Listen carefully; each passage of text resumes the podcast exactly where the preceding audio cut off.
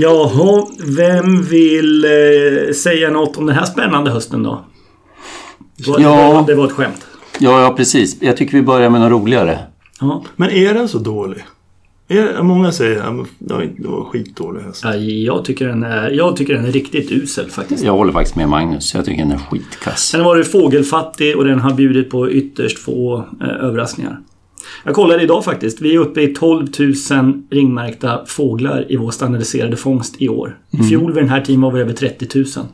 Oj, Oj, är det så stort? jädrar. Ja. Ja. Ja. Okej, så du menar både kvantitativt och kvalitativt? Ja, säger ja för, för min del i alla fall. Eller, Ja, men ur, om man tittar på eh, det öländska perspektivet som vi alltid har. Det har inte, det har förvisso varit några bra eh, sträckdagar men det hade vi redan i förra avsnittet. Efter det har det inte varit några några fantastiska dagar. Det har varit eh, inte något bra med rovfågeldagar i september. Det har inte varit bra med östligt eh, tättingar och rariteter. Det har varit ganska uselt om man ska vara ärlig. verkligen. Ehm, Det har inte varit en enda dag i hela oktober som jag har varit taggad inför morgonen och tätt, tättingnedfallet. Så att säga. Nej, inte det har inte dag. varit några stora nedfall överhuvudtaget. Nej. Jag, jag har liksom, man har ju minnesbilder på näthinnan från hösten. Och för mig känns det som att mitt minneskort är slut. Liksom, i, jag har massor med trevliga näthinne Ja, minnen. jo, Men det kanske är, mm. ja, ja. Men du har ju för sig haft lite, du har ju haft en bra höst Mats. Nej men det har, Ja, jag har varit jag, på västkusten och haft några fina absolut. månader och eller dagar. Och, jag håller med dig. I, i, i allt detta eh, så, så kan man ändå ha det trevligt i fält, så är det ju. Mm. Och också haft lite roliga obsar sådär. Men, men visst har det väl varit lite torftigt, Mm. det tror jag nog många tycker. Verkligen, det tror jag med. Men vi kanske ska börja på västkusten? Ja, men vilken, vilken bomb igår. ja, Brun sula ute vid Måseskär, helt galet. ja. Det är ju hummerfiske, eller vad var det? Kräftfiske? Kräftfiske tror jag det var. har stått på relingen, Ja. som jag fattar det. Ja, mata in den med sill. ja. Men, men visst har det varit en både i Holland och Storbritannien va? Tidigare. Tror det. Men det, och det, är vet man om dem? Har de liksom kunnat härleda den där till samma individ? Jag har ingen aning. Jag eh, vet inte alls. Jag, jag känner inte till något. Så det inte heller. det ingen ny trend att det, att det blir flera? Det är bara en individ som kajkar runt. Det här borde vi kanske ha kollat upp. Ja. Ja, men det är väldigt färskt. Så jag säga tror det. inte Det var ju- att det var ju någon har- kväll. Ja, ja. jag är inte säker på att eh, någon har hunnit eh, gräva i detta än. Nej. Men det- för den har ju, vad jag har förstått, vad jag minns när man har swipat runt under hösten. Så I Holland så stod den väl i någon hamn? Va? Eller den, den stod någonstans. Jag tror det var likadant i Storbritannien. Och det var likadant nu ju. Ja. Det är det så att, att eh, brun sula har lite annat beteende än en vanlig havssula? Mycket möjligt. Ja, det tror jag att det- den har. Jo, men ja. det, det tror jag att den... eh, Det, det är större chans att man ser en brun sula sitta i en hamn än, än en vanlig sula, det tror jag. Så det är större chans att leta i Göteborgs fiskehamn än att ta en båt ut på... Ja, det, det är möjligt. Var det inte brun sula som, eh, som de såg i Tyskland för något år sedan, eller två år sedan? Alltså insträckandes österut in i landet längs med ren. Oj, Kom, Kommer ni ihåg de här bilderna? Som... inte någonting. Nej, jag jag för mig det var en brunsula. Den var plåtad på höjd, alltså många tiotals mil in i land om jag förstod det rätt. Ehm, Oj. eh, längs med Rendalen. Jag kanske snackar skit nu, det är, det är möjligt. Men jag har för mig att jag har sett sådana bilder. Ja, och innan den var det ju de här äh, inflödet av spetsbergskristlar. Som var ju... Ja. Ja, men innan vi lämnar då brunsulan. Ja. Det här med chip, assist, matad. Ja, men, Ja. Jag skojar. Jaha. ja, det, det tror jag inte. Det ringer inga klockor hos er här. Nej. Vilken kategori hamnar ni då? Nej då, jag, jag skämtar men leker lite med elden också. Ja. Spetsbergskissla. Ja, det måste man väl säga är anmärkningsvärt. Ja. Att det var ett inflöde både i Norge och Sverige och Danmark. Det hela börjar väl egentligen eh, att vi helgen innan sitter vid bunken vi tre. Ja, Och, och det är skitläckert alksträck och det enda vi pratar om är tänk att ha en spetsspetsgrissla så här nära för de kommer det är ungefär det enda jag satt och tänkte på hela dagen. För att vi visste att det varit inflöde av lunnefågel, vi visste att det var inflöde av alkekung och så sitter och sveper förbi på eh, så här sanslöst bra obsar Ja. av sillgissla tornmunne. Och vi, ja, det var egentligen det man satt och tänkte. Ja. Alltså man, och därför var det faktiskt ganska kul när den här bilden kom. Det var Mårten Wikström som skickade ut den där. Ja. Alltså det, man, kunde, man kunde sätta sig in i oddsen ganska väl i man hade suttit där helgen innan. Verkligen. Men det- Otroligt läckra bilder. Det måste Ja. vara de finaste streckbilder någonsin på Ja. Spetsspecialister i Sverige va? Jag, jag tror att det är den första Det första till och bilden. med. Ja, Jag tror inte det finns en foto på streck. Iver, Ja, det är svårt att få det så mycket bättre, så kan man ju säga. Det går ju inte. Det var ju fantastiskt. Och sen var det ju, om det nu var dagen efter, så, så den som de hittade rastande inne vid stranden, den eh, har jag lite annan teckning. Den var väl, någon var lite ljusare än den andra, det kan de visa på foton. Mm, okej. Eh, Men den fågeln hörde jag någon story om, eller det kanske det, att den var ju så trött och dålig den här som kom närmare land. Att den, i, om det inte var skymningen men strax innan eller på eftermiddagen så hade den tagit höjd, flytt in över land. Jo, precis. Det, det. det, Ja. det larmade de också när, Ja, okej, när den ja. försvann in över land. Ja. Ja. Helt makalöst ju. ja. Det ligger Men- väl och guppar i någon vik i Åsnen eller något nu. Ja, men, Eller men, eh, den gjorde nog det, men inte längre. nej. Nej. Nej men det är ett märkligt bete- undrar vad det där är för beteende. Att nu håller jag på att dö, nu är jag så utmärglad. Ja, då ger jag mig upp, då flyger jag upp på land till och med. Det är väl inte första gången man hittar liksom utmärglade alker en bit upp. Liksom. Nej, men det är som eh, ja, men mindre albatrossen gjorde det också. Flög in över land. Jo, men sen var det nog fynd eh, ytterligare, alltså osäkra fältfynd. Så det kanske inte var några då vid Kullaberg va, dagen efter eller. Okej. Och Norge hade, ju- i alltså södra Norge är den ju tung. Och de har ju haft flera fynd också i, sam, i samma veva. Ja, men det är väl var någon som skickade en artikel om att alkerna inte mådde bra. Nej, men det Att har ju var varit mycket alker som har dött i, på brittiska öarna om inte annat. Ja, det. och jag vet det är exakt samma sak med stor alkdöd i Beringsund, alltså uppe i nordvästra USA och Alaska har det varit. Ja. Nu i, just i höst. Nej, utan under de alltså, återkommande massdödsepisoder under de sista tio åren. Det finns ju en hel del forskning gjord med det där men ehm, som, ja, de redovisar det där på här, American Ornithologist Unions årsmöte som jag var på här för ett par år sedan. Jag har faktiskt glömt vad de kom fram till. För det var, det, var uppenbarligen någonting komplext eller så hade de inte precis kommit fram till. För utmärglade är ju frågan om fåglarna, men vad det beror på i sin tur. Det kom inte jag, antingen så hade de ingen klo när det gäller det eller så kommer inte jag ihåg det. Men det har ju varit återkommande. Men alltså, mm, Jag hörde någon biolog, om det var från Göteborgs universitet eller Göteborg något museum, som uttalade sig i P1. Eh, hans teori var ju, eller han, det var en av teorierna var att det är varmare i vattnet och då är det något kräftdjur som minskar. Och då minskar någon av eh, de fiskarna, om det nu är tobis kanske, som minskar. Och det påverkar alkerna. Så sa, jag hörde även Anders Widheim i Pippi-podden. Han sa att eh, han hade läst någonstans att alkerna föds upp nu på skarpsill istället för tobis. Och skarpsill är mycket magrare fisk. Att, det, att, det, att det skulle kunna vara en orsak. vad är, det är mindre tobis nu eller? Ja, tydligen. Och det var ju det Mats sa här också. Ja, det tror jag. Det har väl varit en av anledningarna till att Lunne har minskat så mycket i Atlanten. Okej. Ja, så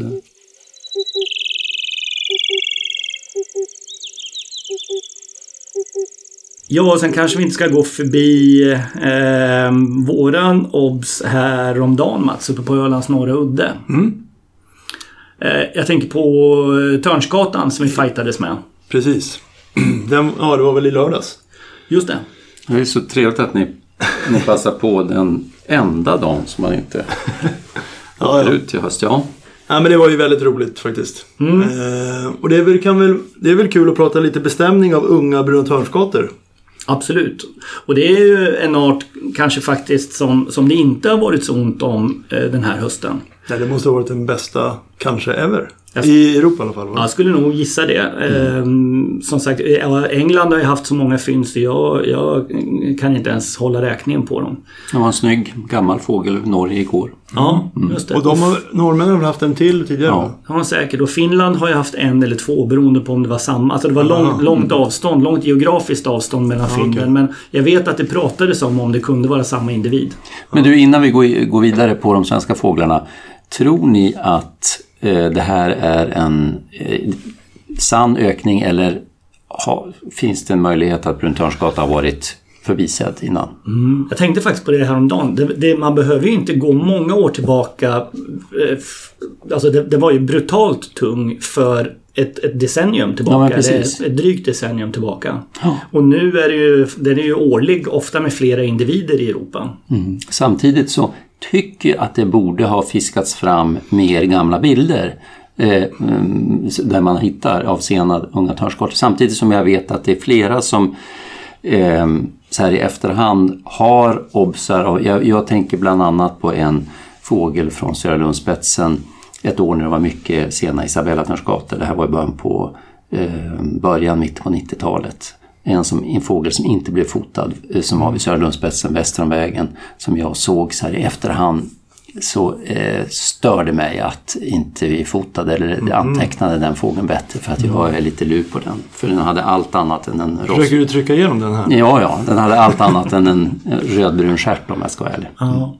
Men sen är det ju, man ska inte glömma bort att det görs ju faktiskt en del, speciellt nu för tiden, mm, liksom jag vet inte om det är effekt av klimatförändringar, men alltså oktoberfynd utav bruna törnskator, jag upplever, eller förlåt, oktoberfynd utav vanliga törnskator, jag upplever att de ökar. Ja, precis. Nej, men det, och det har ju varit många i höst. Absolut, det var Även bra höst för dem. Väldigt bra höst för dem. Men det är väl kul och, och, eh, och jag tror att den här Ölandsfågeln har väl, ja den liksom har ju larmats ut och varit i ropet. Men det finns ju en intressant fågel från Norrbotten som inte har, har varit i ropet mer än lite kommentarer på Artportalen va? Men den är ju kul att i alla fall titta på också.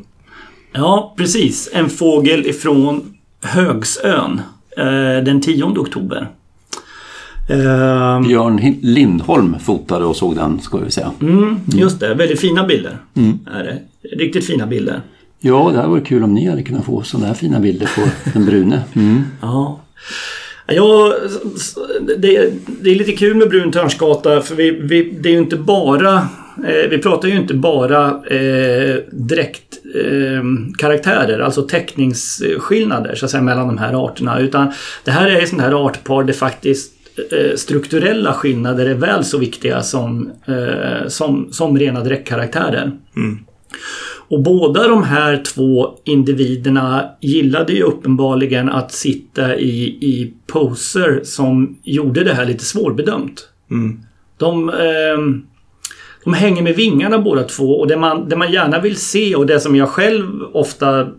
Liksom det, det första som slår mig när jag, när jag ser bruna törnskator det är ju den här extremkorta vingen, den jättelånga stjärten ehm, och, och den här liksom speciella profilen som det ger på något vis.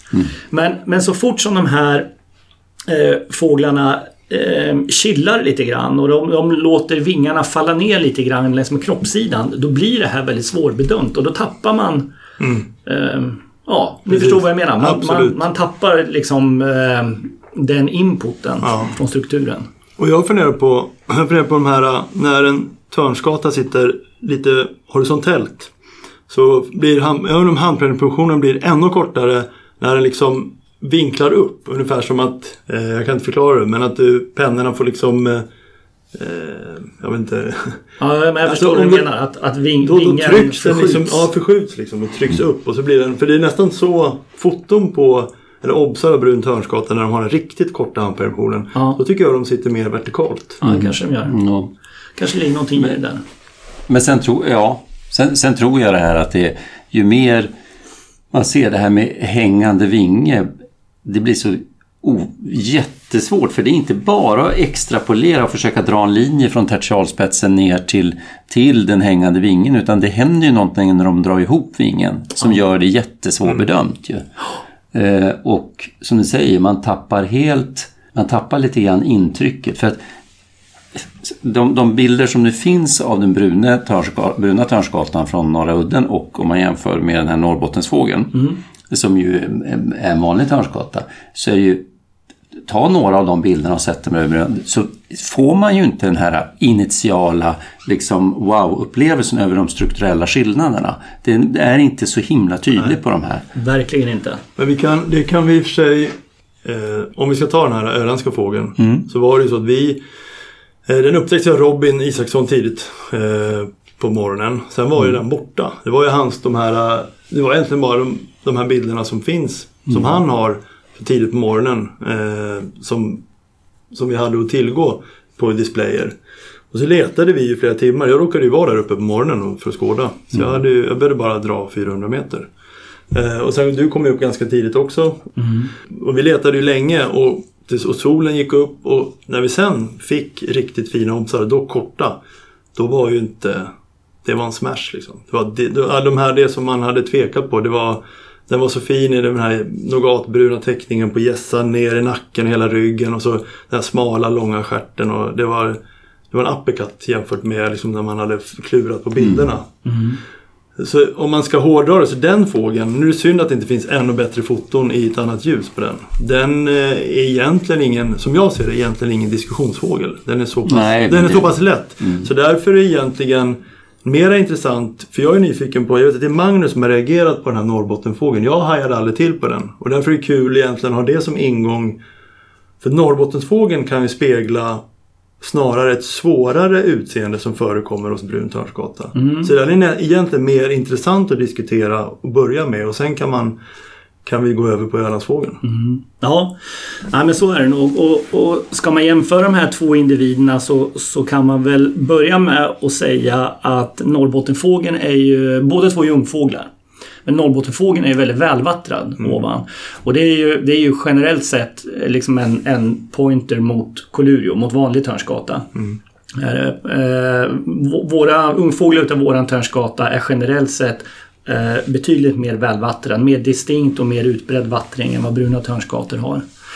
Men det här varierar ju även hos brun törnsgata. Det, det, det är ganska många fåglar som, det är inte ovanligt att de lämnar mallen så att säga och att man eh, och att man springer på ungfåglar som, som har den här vattringen. Så att även, även om det bidrar liksom till första intrycket och så, så, så ska man inte räkna bort välvattrade fåglar.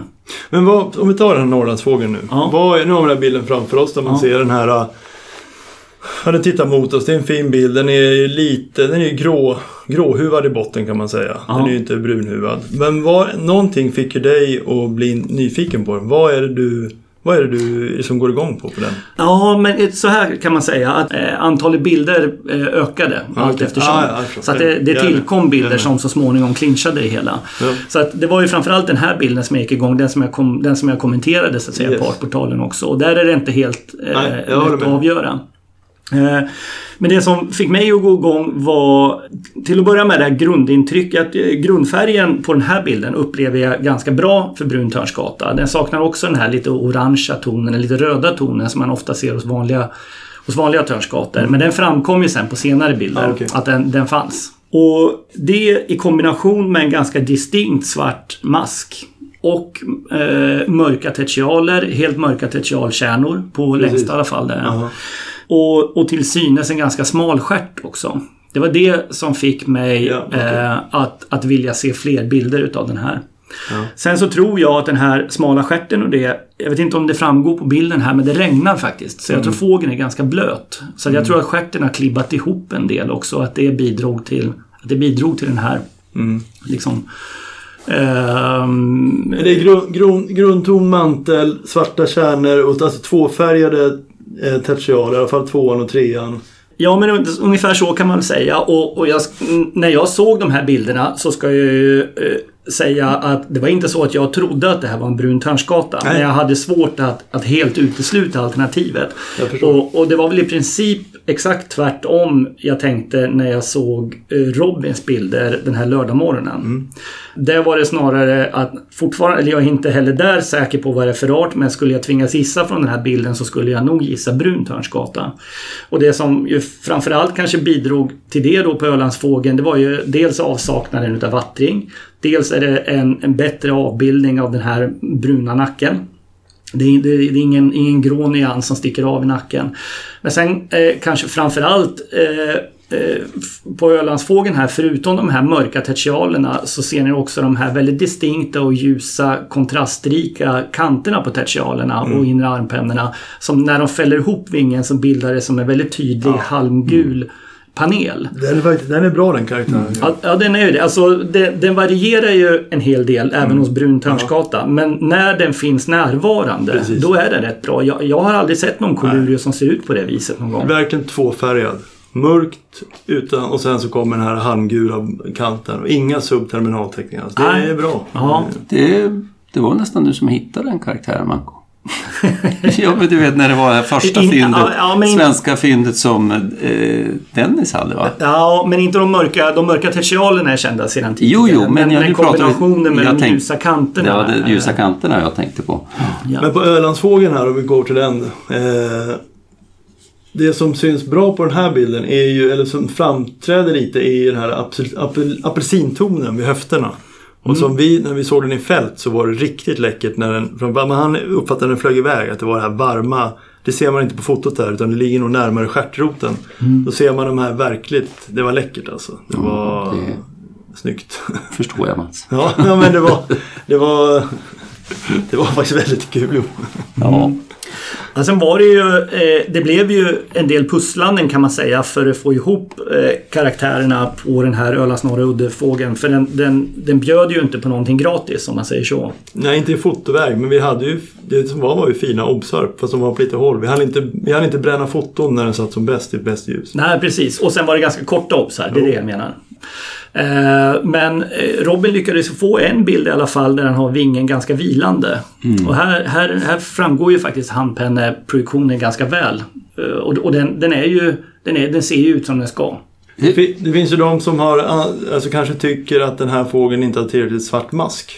Eller ögon, örontäckarna. Ja, om, om man tittar på örontäckarna då kan man egentligen kanske tycka att eh, Norrbottenfågeln är mer typisk för bruntörnsgata. För det, det brukar vara bättre svärta i dem generellt sett. Genomsnittsfåglar har en, en ganska bra svärta hos bruntörnsgata. Men, men det, är- det är inte alls ovanligt att, att hitta eh, masker eller örontäckare som är som är ljusare och som inte på något sätt så att säga skiljer sig ifrån ja, ifrån genomsnittliga kolurio om man säger så. Om du, om du brottar ner den där Ölandsfågeln nu till, till brun i, i några snabba puckar nu Magnus. Ja men så här då, det, man kan väl börja med att säga det som inte framgår särskilt bra utav eh, fotografierna som finns tillgängliga. Det är ju just de här strukturella skillnaderna. Som vi såg fint i fält. Eh, fågeln är väldigt kortvingad, den är långstjärtad. Vi hade också, och en smal stjärt ska jag säga också. Det ser ut som det ser, ibland ser det ut som det sitter en pinne bara, som en, en stjärtmespinne liksom på dem i, i rumpan. Men sen hade vi ju också tur, jag vet inte om du råkar stå där just då Mats, men eh, den här fågeln landade ju på en gren med brösten mot oss och så satt den och pumpade med stjärten. Och jag var ju beredd på det där. Jag insåg ju liksom chansen att, eh, att ska man liksom avgöra hur lång den yttersta stjärtpennan är, då är det ju underifrån. Det, det, det är välkänt från foton och så också. Det är mycket lättare att göra det underifrån eller ifrån sidan, äh, än, än ifrån sidan. Eh, och vid ett tillfälle så, så dök den ju ner djupt ner med stjärten och då framgick det ju tydligt att det var ju en, en jättefin brun törnsgata med några centimeter eh, kortare yttersta stjärtpenna. Eh, Så strukturen är jätteviktig och, och, och även om de inte framgår på, på bilderna särskilt bra här. Men sen så direktmässigt så har vi eh, en, en, en dåligt vattrad ungfågel. Vi vet att det var en ungfågel ifrån observationerna vi hade i fält. Det fanns en vattring närvarande men den var väldigt fin och den framgår inte på bilderna. Eh, Så det är en dåligt vattrad ungfågel som är brun i en ton som är lite speciell. Eh, En, en, en varmt neutral brun ton utan liksom några orange toner och, och utan att det sticker av med en grå nacke också på fågeln. Det är också jätteviktigt. Och sen så eh, ska man inte glömma bort, eh, som vi sa innan, tertialerna och eh, de här mörka tertialcentrarna med de kontrasterande ljusa kanterna. Jag har en, en bild här ifrån Zoologiska museet i Köpenhamn som eh, vi också kan lägga upp som jämförelse. Här framgår ju den här skillnaden Jättefint. ganska bra om man tittar på tertialteckningarna på de här fåglarna. Mm. Det är bra. Och ja, egentligen kan man säga att det var väl precis samma analys som gjorde att Norrbottenfågeln inte höll. Att den föll på, på andra sidan strecket så att säga. Ehm, eh, det visade sig efter att flera bilder hade lagt till, lagts till där att eh, den mellersta tertialen var hyfsat ljus på den. Och eh, det framkom andra bilder där eh, nacken, den här gråa nacken stack av ganska rejält också.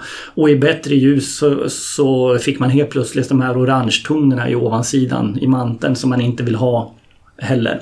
Du menar den översta tertialen, den första tertialen? Det är väl ett, två, tre? Ja, men i, egentligen så spelar det ingen roll i det här fallet. Jo, men Eh, fast, fast nej, jag, jag förstår. eh, Så här, Ja. Magnus.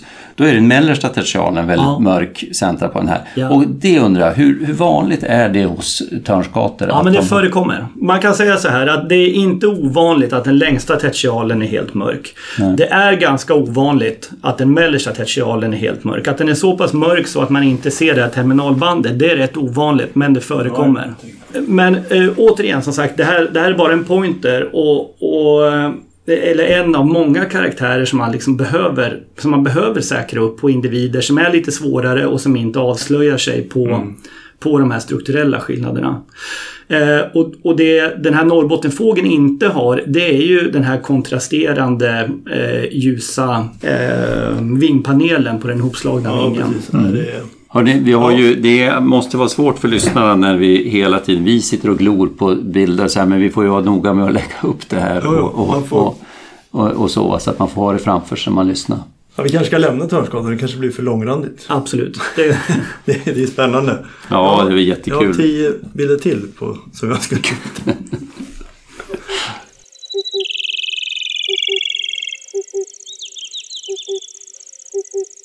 Hörru Magnus, ja. Jag har förstått att eh, du har funderat en del på varför vi inte haft någon taigasångare. ja, men det har jag gjort. Ehm, Du har väl varit ute på nätet och salufört någonting också? Ja, nej, jag har faktiskt inte så. Jag har hållit tyst det. Har jag. Jag, jag, jag Du har menar det är premiär? ja, Pjodden exklusivt? Exakt, content. precis. Ja. Ja. jag tror du menar att det var premiär, att det var första gången jag höll tyst. Ja. ja, det är det nog också. Ja, nej, nej, men jag har en teori som jag vet är lite... Eller ska vi börja med att och, och kanske befästa eh, det hela att det har varit en ganska rutten taigasångarhöst. Det måste ni hålla med om också. Ja, Ja, Ja, men verkligen. ja i hela Europa. Faktiskt. Ja, men du, vänta. Ja. Ja. Lyssna på den. Jag läste i, det också tror jag, igår. Ja. Det var väl Andrea Corso hade haft sitt besök på Linosa. Ja, Vet du hur många tiger de hade haft på en dag där? var det 14? då? 17. Ja, precis. vad brukar de ha? Ja. Ja, det vet jag inte, men jag tycker det lät mycket.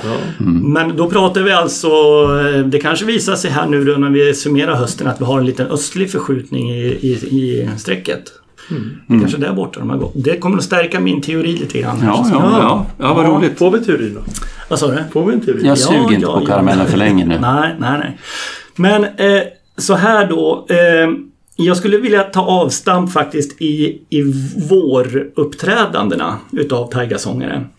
När, när, när tror ni att taigasångarna eh, pikar i, i Skandinavien eller i, i, i Sverige? Och jag, Våren? Ja, jag har sammanställt dem. Det var, jag hittade 28 rena vårfynd på Artportalen. När skulle ni gissa att mediandatum ligger? 7 maj. Ja, ja men det, det är en bra gissning. 4 maj. Okej. är det. Så det, det är ju tidigt, tidigt i maj. Mm. Och det får vi ju då utgå att det är ju då, det handlar ju om fåglar som antagligen har övervintrat i sydvästra Europa. Eller hur? Alltså retursträckare Mm. Ja, precis. på, på våren där ja. Ja.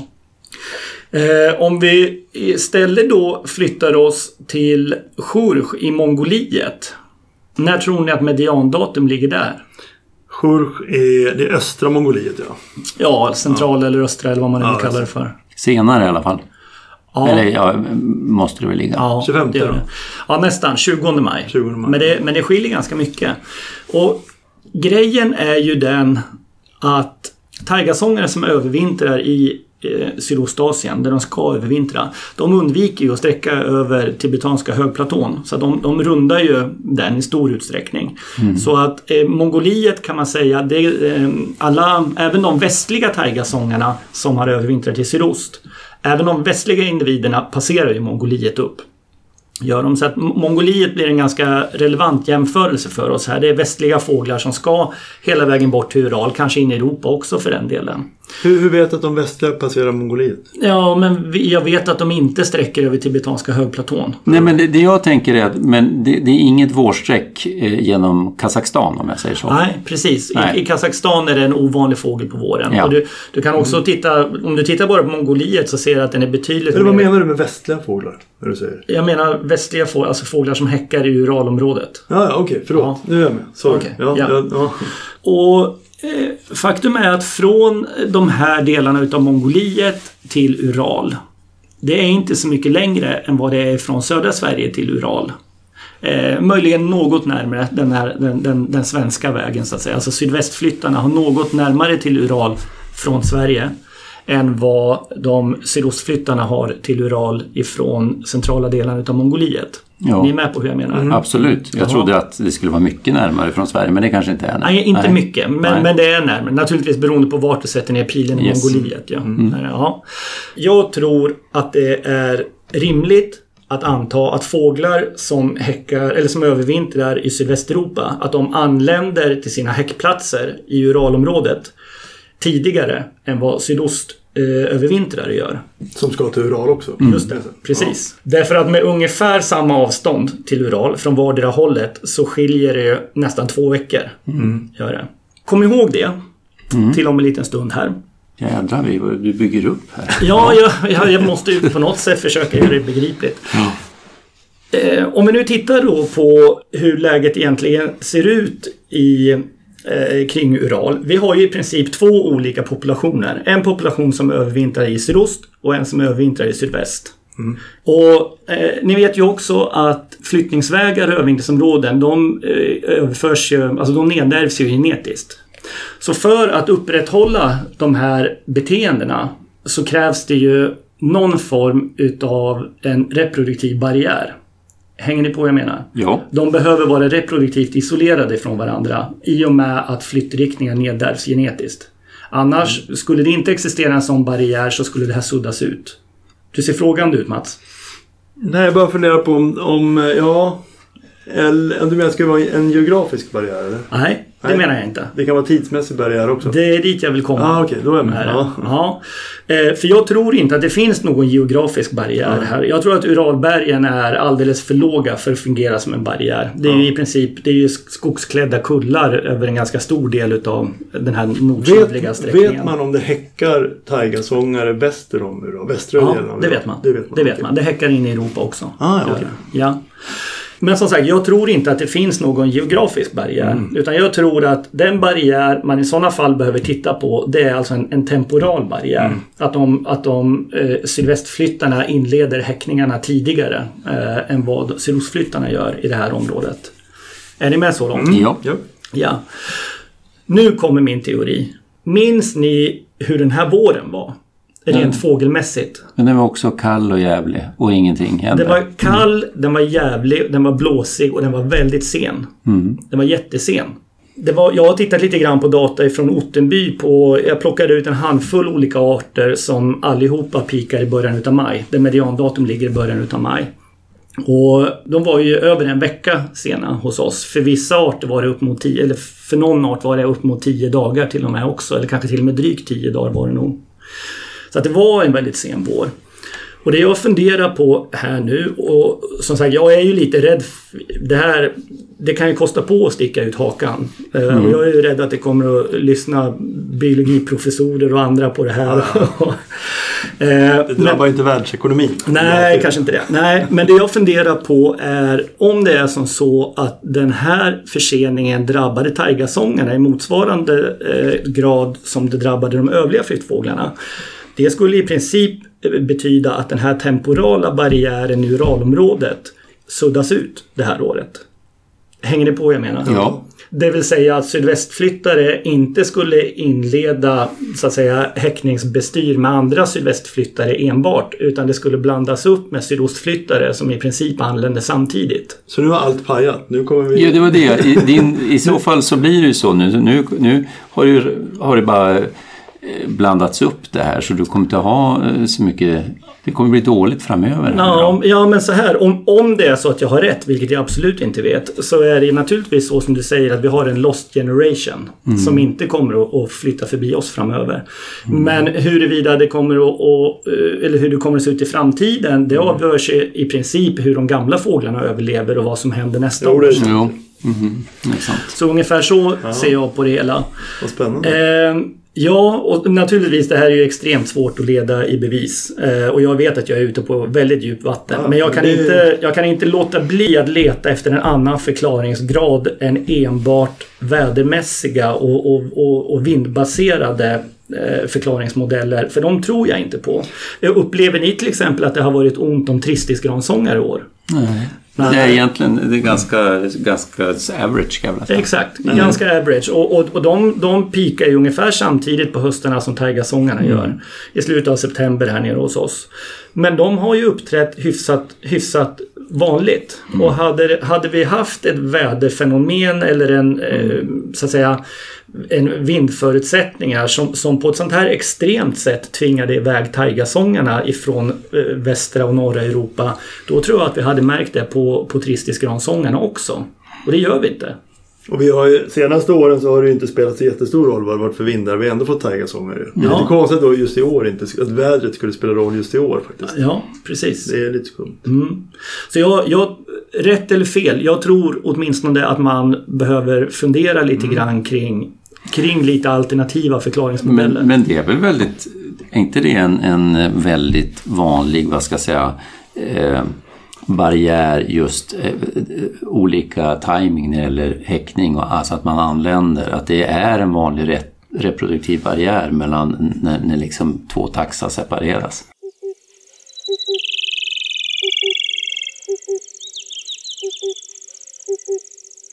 Är, det helt fel att i detta sammanhang, för alltså det, det jag tycker var kul teori som du hade. Men såg ni att det kom en artikel om, eh, som jag tycker var väldigt häftig, om större pipläcka? Just det, precis. Ja. Nej, jag har inte läst den. Jag har nog sett någonting. Men berätta. Nej, men det var, Berätta. Den är kul på så många olika plan kan jag tycka. För att eh, det var ju bland annat eh, Pierre-André Crochet va, som var en av, av medförfattarna på den. Ja, och, men jag tror huvudförfattaren är ju Pierre Andrés kollega som nu också kommer börja jobba med taigasångarna, Paul Dufour. Så är det ja. Han är Ja. första, första namn på artikeln. Ja, han, är, han, han är faktiskt han har en postdoktjänst i Göteborg nu. Ja, vad roligt. Ja, jajamän, han var och hälsade på här på Ottenby nu i höstas. Ja, just det. Nej, men jag läste den där artikeln. Nu ska jag se om jag kommer ihåg det ungefär på rätt sätt och jag ska ge artikeln rättvisa. Men det är ju så här att man har sett sista årtiondena ökat antal större piplärkor på vintern i sydvästra Frankrike och nordöstra Spanien. Och så har man ju funderat på vad, vad är det här för någonting? Är vi duktiga på att upptäcka rarrisar liksom? Eller är det här faktiskt en övervintrande population som ökar på sig? Eh, och, och börjar det här vara en, en regelbunden övervintringsplats? Och det inkluderar du även de senaste fem åren? Liksom. Ja, absolut. Det är så, det är så, okej. Ja, absolut. Och det man gjorde då, vilket jag, jag tycker är så smart på så många sätt, men dels så, så mm, fångar man eh, eh, ganska många, jag tror kring 80 fåglar. Och det man kunde göra när man fångar Var fångar man dem? i sydvästra Frankrike och nordöstra Spanien. Herre Jag tror en av, en av de stora områdena man har tagit tror jag är Lacroix, ni vet stensteppen i eh, Camargue. Camargue. Precis. Ja. 80 stycken. 80 stycken, Herre ja jävlar. lite drygt till och med. Jag, jag kommer inte ihåg exakt. Men Jag tror de har enorma nätuppsättningar. Alltså, jag tror att det är flera hundra meter med nät de arbetar med. Det som var kul då, när man hade fångat de här fåglarna, det var ju att inte så liten andel, eh, eh, någonstans mellan 30 och 40 procent, det var gamla fåglar. Det var inte ungfåglar. Och det man gjorde var ju att sätta färgringar på dem. Och man såg att det var flera eh, av de här färgmärkta fåren som kom tillbaks nästa vinter. Det man också gjorde var ju att sätta loggers på de här. Och jag tror man, man satte loggers på, om jag kommer ihåg det rätt, så var det sju stycken. Och eh, man, om man retrappade en, en handfull eller knappt en handfull av dem där. Och det man såg var ju att när man följde vad de var, de, de flyttade ju till eh, västra utbredningsområdet, västra kanten av utbredningsområdet kring Novosibirsk-området. Mm. Och så att det stämde och så kunde man ju se hur de hade flyttat dit också, men det kan vi komma till. Det man också gjorde var ju att, att och det här jag tycker är så kul, man, för det blir liksom lite så här citizen science data, att man, man tog liksom eh, nytt, man nyttjade allt som nu rapporteras in i Artportalen och i Bird och allt och så, och så gjorde man analys av alla fotade större piplärkor i västra Europa. Och så tittade man då och försökte åldersbestämma dem. Och det är ju, går ju att göra, men, men ni vet att det de, det de gick på var ju täckarutseendena. Och det, det, vet vi väl ungefär att det är lite knepigt på större piplärka att kanske en 10% ungefär av alla unga större piplärkor de har inte bytt någon täckaröverhuvudtaget så det är alla juvenila. Då är det ju enkelt, då vet mm. vi att det är. Och sen har, men då är det ju, eh, har vi andra fallet då, det är 10% av ungfåglarna som byter så att de får bara en full uppsättning adulta. Och då är, den blir ju svår, på, mm. på, åtminstone på, på ett foto, att åldersbestämma. Men det är ändå bara 10% och resten har ju mm. bytt ett antal däremellan då. Och de är också lätta att åldersbestämma. Så att till 100% kan man inte bli, man kan få en bra fingervisning. Och när man då ändå tittar på fotade i norra Europa, brittiska öarna och så, så är det ju, eh, då hittar du ju bara ungefär 10% med full uppsättning adulta täckare. Mm. Motsvarande det man skulle kunna förvänta sig på ungfåglar, alltså om det bara var ungfåglar. Mm. Så det kan inte vara en överrepresentation av adulta fåglar i, i, i till exempel Skandinavien och det. Så att där är det helt enkelt kvadranter. Alltså det, är, det, det är felflygna ungfåglar som det alltid är. Men den population, och det finns inte någon annanstans. Utan där man har tittat eh, och hittat den här högre andelen adulta fåglar, ja men det är i Nordafrika, Marok även Marocko, det är Spanien, det är norra Italien och det är Frankrike. Där verkar det nu vara en övervintrande population. Och det man också tittat är att att eh, man gjorde en jämförelse över klimatförhållandena i eh, dess ordinarie övervintringsområde i Sydostasien, södra Asien. Och så, och så jämför man då det här området där den nu övervintrar i, i sydvästra Europa så har de senaste 20 åren klimatet förändrats så pass att det påminner mer om den ordinarie. Det har blivit varmare där nere på vintrarna så att, så att det påminner nu i ganska hög grad om dess ordinarie övervintringsområden i, i klimatologiskt så att säga. Mm. Men jag tycker det, det, det, är liksom det är så väldigt coolt som de säger. Va? Det här är en av få gånger man i Alltså, evolution, den på, alltså, man har ju sett det framför ögonen att en fågel har helt ändrat flyttning, övervintringsområde. Och de kan inte utesluta att det har förekommit några sådana här fåglar tidigare men det är ändå ett nytt fenomen med de här mängderna.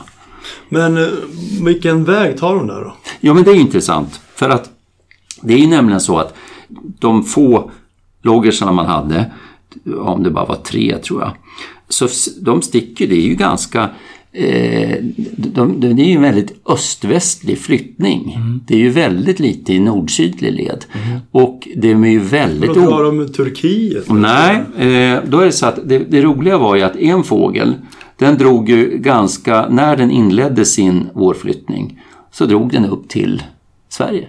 Mm. Mm. En av dem. Och så den har en, en punkt, alltså när man tittar var har den spenderat mer än 24 timmar under mm. vårflyttningen, där har de nedslag så att säga. Och det finns kartor här på, på och ena är ju då uppe i, lite svårt att se på kartan men det ser ut att vara på västkusten någonstans. Mm. Och så sen så är det ju då i östra Europa någonstans mellan eh, Vitryssland och Ukraina och så sen mm, liksom västra Sibirien och så sen där mot eh, Novosibirsk-området.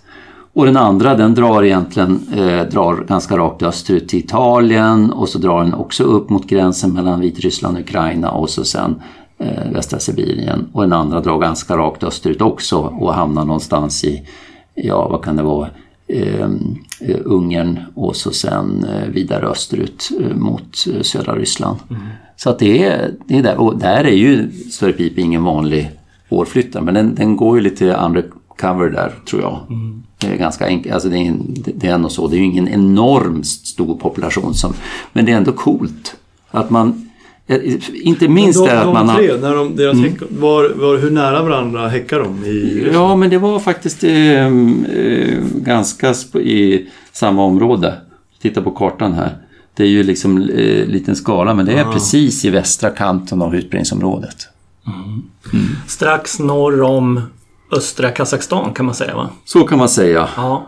Ni, ni brukar ju vara duktiga på att dra ryska referenser och små byar och sådär som ingen annan hänger med på. Men, eh, ja. Men det är ju... Eh, ja. Novosibirsk, säger jag. Små Ja. ryska byar. Ja. Ja. Nej, men, ja. Jag tror det, det Jonas menade innan Mats, det, jag vet inte om du hängde med där.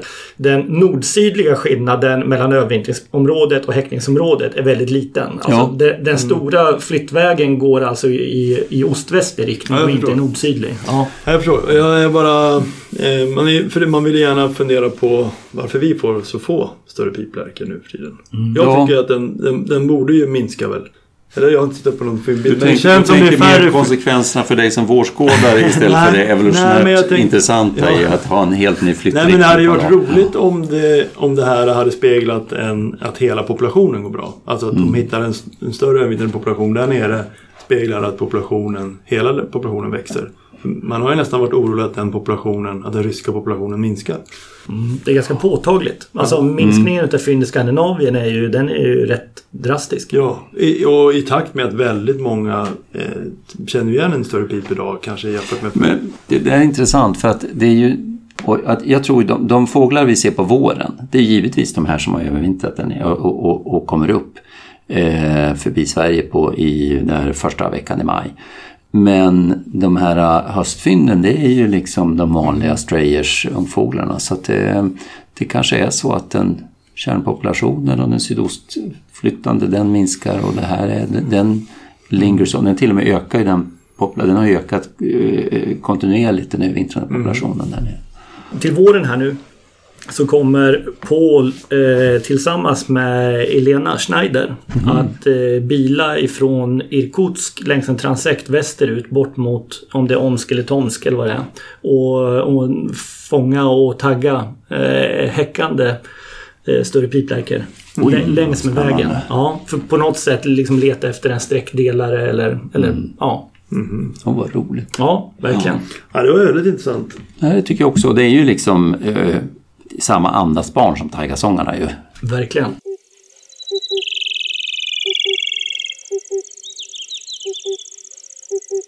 Det här året, både under våren och hösten nu, så eh, har jag en vän, en kille som heter Noel Hoental som brukar jobba som ringmärkare nere hos oss på Ottenby. Han har spenderat både vårsäsongen och höstsäsongen nere i Turkiet, i östra Turkiet vid den här fångstationen som heter Aras rätt nära armeniska gränsen, så att det är, eller armeniska gränsen heter det kanske. Så det, det är långt österut. Och Noel han har eh, varit jätteduktig med kameran under den här tiden som han har varit på plats i Turkiet och han har samlat på sig ett fantastiskt fint bildmaterial. Jag har fått se. Det är ju, det är ju närmast osannolikt vilken skatt det där är. Ja men verkligen. Det, och det är ju det är jättespännande populationer som, som flyttar förbi det här området. Så det är en riktig liten guldgruva har de byggt upp. Och jag frågade Noel om det var okej att vi pratade kring några utav hans rödstjärtbilder här i podden och det, det var det. Eh, så jag skulle vilja visa några fotografier för er som naturligtvis lägger jag upp motsvarande foton på eh, Facebook-sidan som vanligt. Jag ser att det är samma miskus igen, ja. Mm. Ja, precis. Men eh, The gift that keeps on giving. Ja, det här är ju, jag kan inte släppa att det här är lite spännande fåglar och det är ju också fåglar som vi vet att de rapporteras, ja man måste nästan säga regelbundet va, ifrån Nordeuropa på, på höstarna. Men eh, det är ju i princip aldrig, eller för allt vad jag vet så, så finns det inte någon het kandidat anträffad i Skandinavien. Vet ni det? Nej, nej, nej. Ursäkta mig att jag bara skrattar men du, du såg att det till och med har, har dykt upp en fågelmim som, som precis illustrerar Magnus Hellström som ger en, en, en örfil på någon som tror sig ha sett en samma musikus. jag tycker, och, och här är vi nu igen. Ja. Ja, men det... Samma Missbrukspolisen. Ja. ja. Är det uppsträckning? Jag har faktiskt inte tänkt att kapa någon idag. Utan jag skulle bara vilja visa er några bilder på samma Misikus för att spegla lite grann variationen och kanske för att vässa allas våran liksom, sökbild lite grann under höstarna eh, här hemma hos oss i Sverige. Och eh, om vi börjar med den här gamla hannen. Mm. Det här är ju en 2 plus hanne med en helt adult eh, vinge. Så här, eh, så här snygga är de faktiskt på höstarna. Och ser man en sån här fågel så är det ju såklart inget snack. Eh, massor med bländande vitt både på tertialer och armpennekanter. Eh, riktig, riktigt Till och med på handpennekanter. Ja, jag tänkte vad är det, det, man, på, det, på det, man, det finns ju vissa sådana på våren man har sett också. Ja, Otroligt. Ja, det, så länge de ser ut på det här viset så orsakar ju inte de här fåglarna några stora Stora bekymmer. Men sen minns ni, vi har varit inne på det här förut när vi har pratat om de här vita teckningarna vid tertialbaserna på mm. ungfåglarna. Mm. Alltså de, de, de unga hannarna har ju inte en, en sån här stor vit vingblaffa eh, som, som de gamla har. Utan det är en mycket mer diskret teckning. Mm. Och det har vi pratat om här i podden att den teckningen ligger ofta basalt på tertialerna. Precis innan de smiter in under större täckarna så bildas det då en liten vit fläck där då. Mm. Och, men det som jag eh, tycker har varit väldigt roligt här när jag har följt Noels äventyr där under hösten det är att man har fått en liten bild över variationen på, på den här vita teckningen hos de unga hannarna. Ni ser den ena fågeln eh, som jag visar er här. Den har ju, den har ju en, en väl synlig blaffa. Den hade ju inte varit några stora problem att, att se i fält heller. Nej. Håller ni med om det? Ja, ja. ja verkligen. Byter vi sen då här till nästa individ så ser ni att den har krympt en del. Det, det, är nätt och jämnt att den tittar fram och det här skulle nog vara rent av besvärligt eh, att se i fält tror jag. På en handbild på vingen här, en utfälld vinge, så, så ser ni att teckningarna ligger ju här. Lite oregelbundna, mm. konstiga teckningar på, på de innersta tertialerna, innersta armpennan här också. Men som sagt, på en ihoplagd vinge då blir det ju då blir det svårt. Sen har vi nästa, den sista frågan som jag ska visa er här. Som ser ut på det här viset. Den har ju eh, ännu mindre. Och det här, det här tror inte jag att man skulle se faktiskt i fält. Jag tror inte man skulle kunna clincha det här. Men för en fråga en sak. Hur säkerställer man en sån i handen? Skiljer ja, vingformen? Nej, men här, det, det är ju nästa problem. Mm. Vi, vi, vet inte hundra vilka mm. fåglar det är som, som är fotade här nere. Eh, alla är fjäderprovtagna så att i mm. efterhand ska det kunna gå och, och avgöra såklart med hjälp av DNA då. Men här och nu så vet vi inte det och det här har varit en, en, en diskussion under hösten. När känner vi oss säkra på vad som är Sammamicicus och vad kan vara nominatfåglar som passerar? Mm. Men eh, ska vi se, även den här fågeln där det inte finns några synliga teckningar i fält. Öppnar man vingen och zoomar in så ser man helt plötsligt att de har de här lite oregelbundna, konstiga ljusa teckningarna igen. Basalt på tertialer och inre armpennor. Det, det som ändå är, det är ju inte vitt på den här fågeln. Nej, det är, det är lite buff. Ja. Mm. Mm.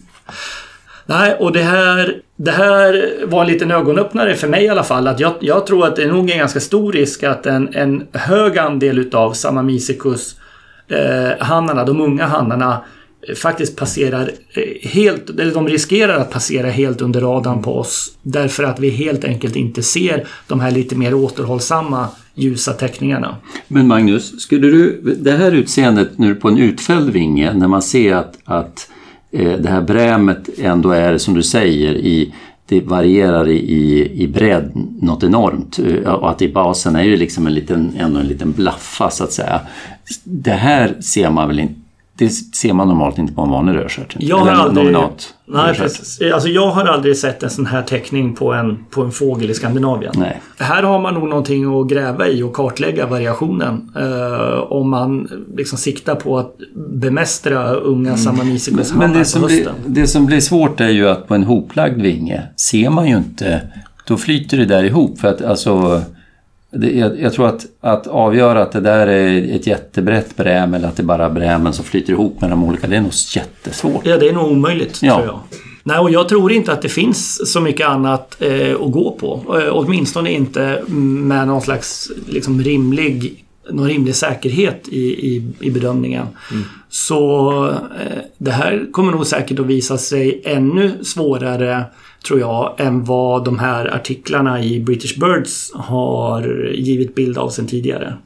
Kommer du ihåg dem? De här Brian Smalls Ja, ja, artikel visst. om Ehrenbergs Red Start. Och, ja.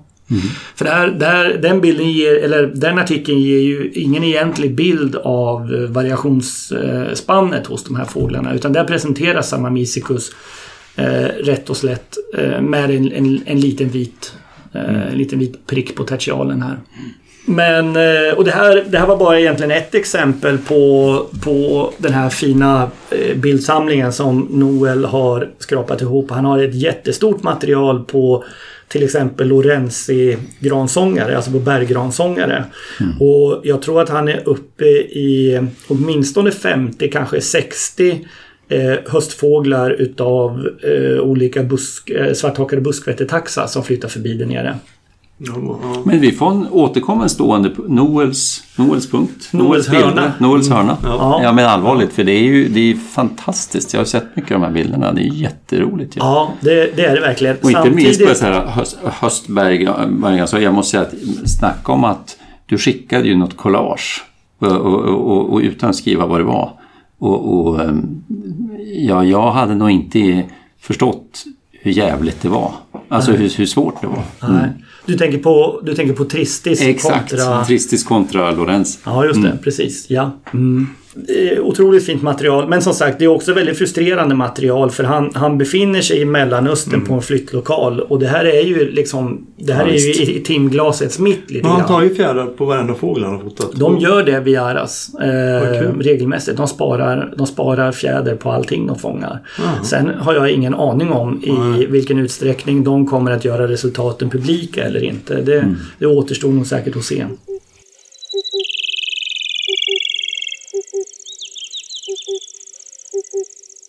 Hörru Mats, nu är jag jättenyfiken på vad du inte har kunnat släppa. Du har sagt att det är en hemlis idag. Ja, det är en liten hemlis. Jag tror att ni...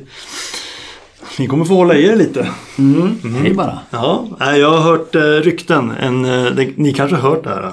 Det är inte publicerat men jag har hört det har pågått en studie i Holland i åtta år tror jag. Där de har fångat gransångare. Flyttande gransångare. De är uppe i 470 stycken.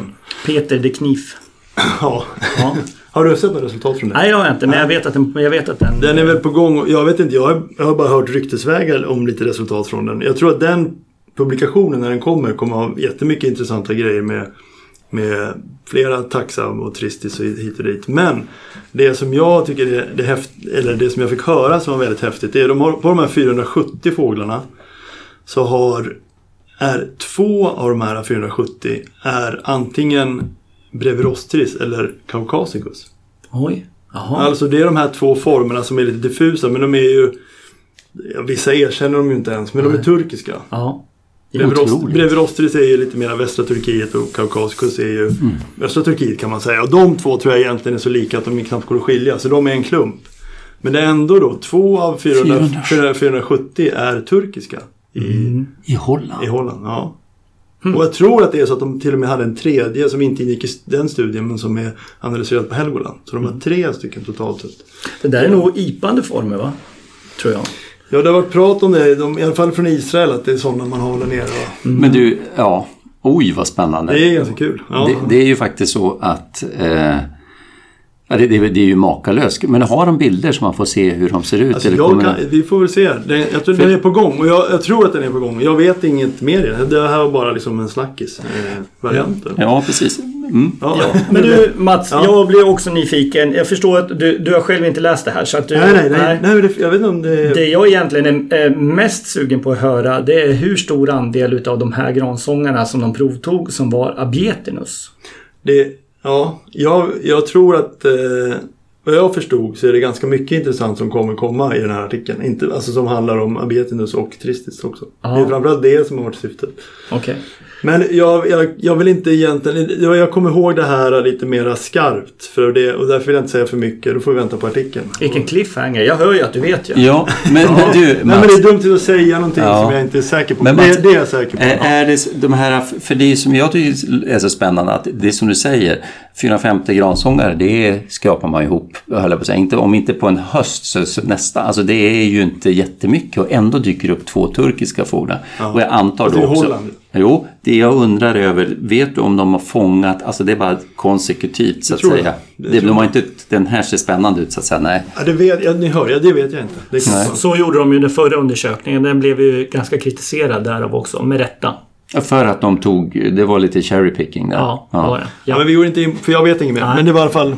Ja, ja, det var kul ändå. Men det är så mycket nu med ärtsångare och alltså, men det, man vill se att det dyker upp det ena och det andra. Spännande ju.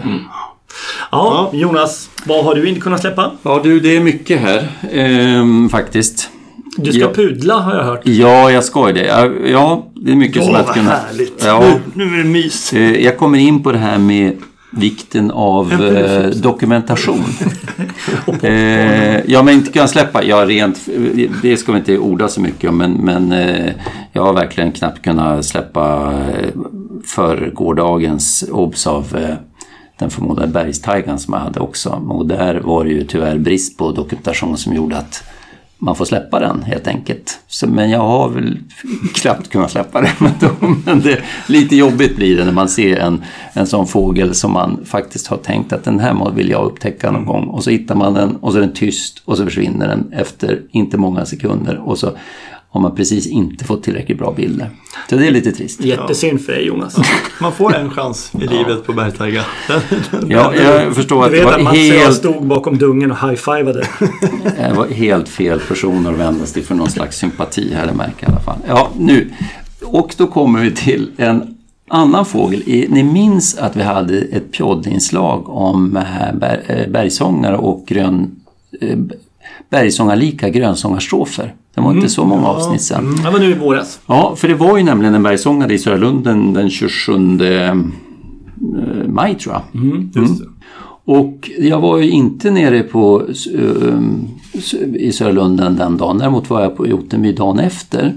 Och det kom ju, tror jag, vi nämnde det också, att det kom ett par rapporter den dagen om att berg, jag tror att tre rapporter om att de hade haft bergsångare den dagen också På olika ställen i Lund. olika ställen. En var i norra Lund och det var mellersta och så. Och jag åkte på, först på den första och där kunde vi ju eh, snabbt konstatera att det var en grön sångare som sjöng lite avvikande med, med de här eh, sakerna, de här initiala jättehögfrekventa inledningen till den här svirren så att säga. Och, och så sen var jag på väg hem så kom det ytterligare en rapport som jag är osäker på, jag tror inte ens den larmades ut utan det var eh, eh Lars-Åke Kornsäter som stod vid mellersta Lunden och hade ringt tror jag till Bosse eller vem det var. Ja, huruvida fick jag rätt på det där. Och gick dit och det var flera andra som, som var där också, eller jag kom som en första. Och precis när jag kom tycker jag, hörde jag en, en strof, tänkte jag, och det där lät rått och, och gjorde tummen upp och liksom var häftigt. Och så står vi där och så, och så börjar det komma fler strofer. Och då är det inte lika kul längre för det är ju grönsångare. Och så är det en strof till och en grönsångare och så strof och då är det minst tre grönsångare som håller på där varav någon är verkligen, eh, den, har bara det här svirret. Den är rak. Den är rak. Och, och, fast, och, och det, är så, det är ju en kakafoni av får, det är ju slut på maj i Lunden så det är ju inte precis tyst utan man får spetsa öronen. Och, och det som är kul är att jag lämnar parabolen på. Alltså jag, jag sätter på den, tyvärr inte det här inledande eh, strofen som jag hörde precis när jag kom som lät lite spännande. Men sen har jag på den och, och försöker liksom lyssna där. Och sen, om jag nu ska försöka recappa mitt minne här så är det ibland allt det här men när vi konstaterar och jag ser också att det där är ju en grönsångare som har sån här kort strof. Men så kommer en strof till mitt i det där som att fan det där lät ju spännande igen och så till slut känner man som en idiot för man står ju där och inte vet vad man hör till slut. Och liksom jag ser ju att den grönsångare den har kort och så hör man någonting som man, "Äh, fan vad är det jag står och inbillar mig och så, och så vet ni när man är på om man kallar det ett drag eller det finns liksom en förväntan i luften att fan komma till ett resultat. Alltså förstår du, det är liksom alltid har litet tryck. Och efter en, en kvart någonstans så, så börjar vi liksom återsam. För jag, jag tyckte, det, precis mitten så tyckte jag hörde den och gick iväg då en, en bit för att tyckte att det lät lite spännande ett tag. Men nej, jag hör bara de här Jäsingens grönsångare hela tiden. Så började jag prata, nej alltså. Det blir liksom att vi samlas där. Nej men du det är väl bara grönsångare. Ja, så jag, jag, ja, det är nog tyvärr så att det är någon som sitter och varierar. De kan nog variera lite grann. Men då satt jag här förra, förra veckan eh, och gick igenom vårens inspelningar. Jag är inte så snabb på det där att gå igenom allt man har gjort. Men Till skillnad från Mats menar du? Ja, ja precis. Nej, men, och det var lite kul. Och, och grejen är att man, när man drar in en inspelning i datorn så öppnar den i, i Audacity. Och då har jag sonogram och, så, och det blir liksom i flera band så här så att man ser sonogrammen och så har man ju blivit ganska bra på man känner igen lövsångare, bofing och man känner igen grönsångarstrofer på sonogrammet så att säga. Och så ser man ju där komma, man ser sonogrammen ju, man, man ser ljuden innan man hör dem i datorn. Och så plötsligt bara, ja, men vad i helvete? Det ser, det ser så jävla rått ut. Och så bara lyssna, då är det en bergssångarstrof. Mitt i denna. Alltså i, i det jag har spelat in. Och ni, ni kan, vill ni lyssna? Hur långt ifrån det här äh, fyndet är, var, liksom, den var satt den som var dokumenterad? Det var, kan det vara, tre- 300 meter sydost om där den samma- sågs dagen innan. Det är naturligtvis samma fågel. Men det här, enligt mig, jag tittar på sonogrammet, det är ju ingen snack om att förutom de här tre så kallade varierande grönsångarna så var det ju en, en bergssångare där också. Eh, så, men, men jag kan, det man hör... Det här känns inte bra Jonas. Nej, så att, så att jag ska pudla. Det, är ju, det var ju lite synd där för att eh, det blev ju inget larm på den där utan det tyvärr, eller till och med om det blev att den var larm, att den liksom är Men de här människorna som stod runt omkring dig när du stod och dissade det här. äh, Som, Men som, jag- som ville ha det här krysset. Och så, så ja men... Du, Mats, ja. jag vet att ni har redan skrivit historien här. Jag har däremot nu för att, eh, för om jag nu ska rentvå mig lite så har jag ju spelat in även diskussionen. Ja. Och då är det inte bara jag som står och försöker övertala, eh, säga att det här är bara... Men sen hör jag säga, ja, det var, jag tyckte jag hörde en strof, den lät eh, eh, liksom intressant, men nej, det är nog ändå. Så försöker man liksom, eh, så att jag hörde ju den där. Ja. Men sen så tänkte jag när jag hörde den, ja det här, det, det kommer jag, det måste jag ju titta på sonogram eller lyssna i inspelningen sen. Sen gjorde jag aldrig det förrän nu förra veckan. Om du visste hur ledsen kornkätet Ja, har varit under ja. sommaren här nu. Ja, men jag, jag kan, jag kan säga så här, den första jag smsade eh, med det här, det var Lars-Åke och han blev, tyckte det bara var väldigt kul. Men den här men jag- mannen som stod bredvid så tryckte på on på sin hörapparat. Och så, så här, bara, nu ska jag få mitt kryss. Och Jonas dissar. Har du namnet på den personen? Nej, det har jag inte. Men ni kan få lyssna på den inspelningen. Man hör ju radarstationen ganska kraftigt bakgrunden. Grejen är att fågeln kan inte vara så långt bort heller. Det är det som är det jädra. Där var den. Ja.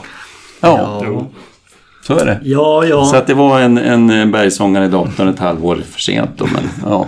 ja, men det är intressant. Ja, jo, och, och Men, det- men det är faktiskt, jag tycker det, det tycker jag bara speglar faktiskt att det inte är så jäkla lätt med de här Nej, men- grönsångarna och raka Jag bergssångarna. kan, det, och Eller- vad jag tycker är det här, vad ska jag säga, att hur otroligt eh, bra det är med, den, med dokumentation i efterhand. För det här fälten tycker ibland det blir så flyktigt och man står där och man, man eh, åtminstone ibland blir det så att man intalar sig, man har, man har tror sig höra någonting och så går minuterna och så börjar man mala ner den där obsen till att det inte...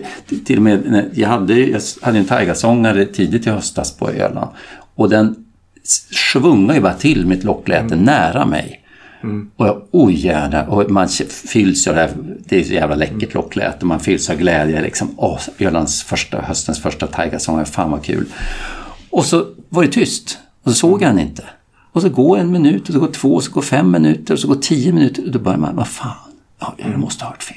Mm. Ja, ja, Så börjar han misstro. Det var ju samma mekanismer här. Eh, Men du, en, en fråga bara. De här eh, raka grönsångarna Mm. som påminner om bergsångare. De sonogrammen, är de väsensskilda?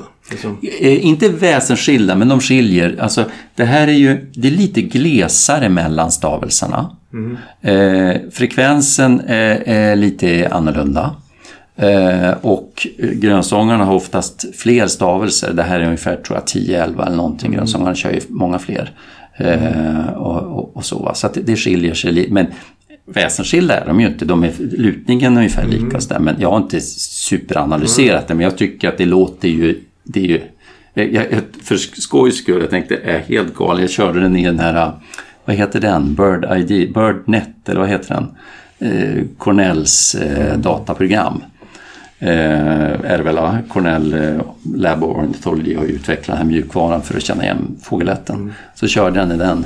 Eh, ID, eh, ja, Western Bonellis Warbler 100%. Ja. Men frågan är vad den skulle göra på en svår grönsångare. Ja, ingen aning. Det, det är ju den algoritmen som... Den, den tänker inte på var jag är eller någonting. Så att, nej, men jag är ändå övertygad att det där är en bergsångare på, på inspelningen. Jag har, eh, själv har jag läst en artikel som jag tyckte var kul och inte riktigt kan släppa. Det var en publikation ifrån Polar eh, Biology. Eh, en huvudförfattare som heter Pavel Ktitrov. Eh, och även svenska Harald Ries var med i det gänget. Eh, som stod bakom artikeln här. Och det här var en artikel som baserade sig på eh, två stycken olika datasätt med inventeringar. Den ena är från 70-talet och sen så upprepade man det här nu under, ja, mer eller mindre kring 2010-talet då. Eh, och jämförde de här med varandra. Och inventeringarna gjordes uppe vid Shaun eh, River Delta, där du har varit Jonas, på norra Chukotka. Nej, Jag har inte varit där men jag vill åka dit. Det är ju Ja. verkligen... Ja, ja, mm. Ja, just det. Precis. Så att det är ju det är, det är i princip tundra de har, eh, de har inventerat. Det, det, precis. Låglandstundra på västra, nord, nordvästra Chukotka. Ja, så kan man säga. Precis, jajamän. Och eh, eh, det, var, det var framförallt tättingfaunan här nu då som, som var i centrum på, eh, eller för det här eh, arbetet. Och om man kort ska göra en recap på resultaten där så slog de fast att eh, antalet eh, tättingar på, eh, uppe på tundran ökar. Eh, både vad det gäller artsammansättningen som blir rikare men även individ, eh, på individnivå så att säga så finns det fler fåglar närvarande. Och exempel på sådana fåglar då som hade ökat tydligt var, ja, det var bland annat brunsångare och rödvingetrast och bruntrast och, och rubinäktergal och björktrast.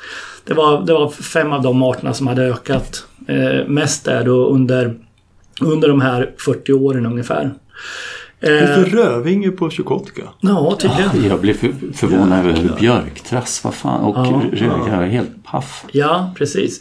Och sen på minuskontot så fanns det ju några också. Det där de var mest konfunderade över det var nog faktiskt gransångare som hade minskat eh, rätt tydligt då mellan de här två passen utav inventeringarna.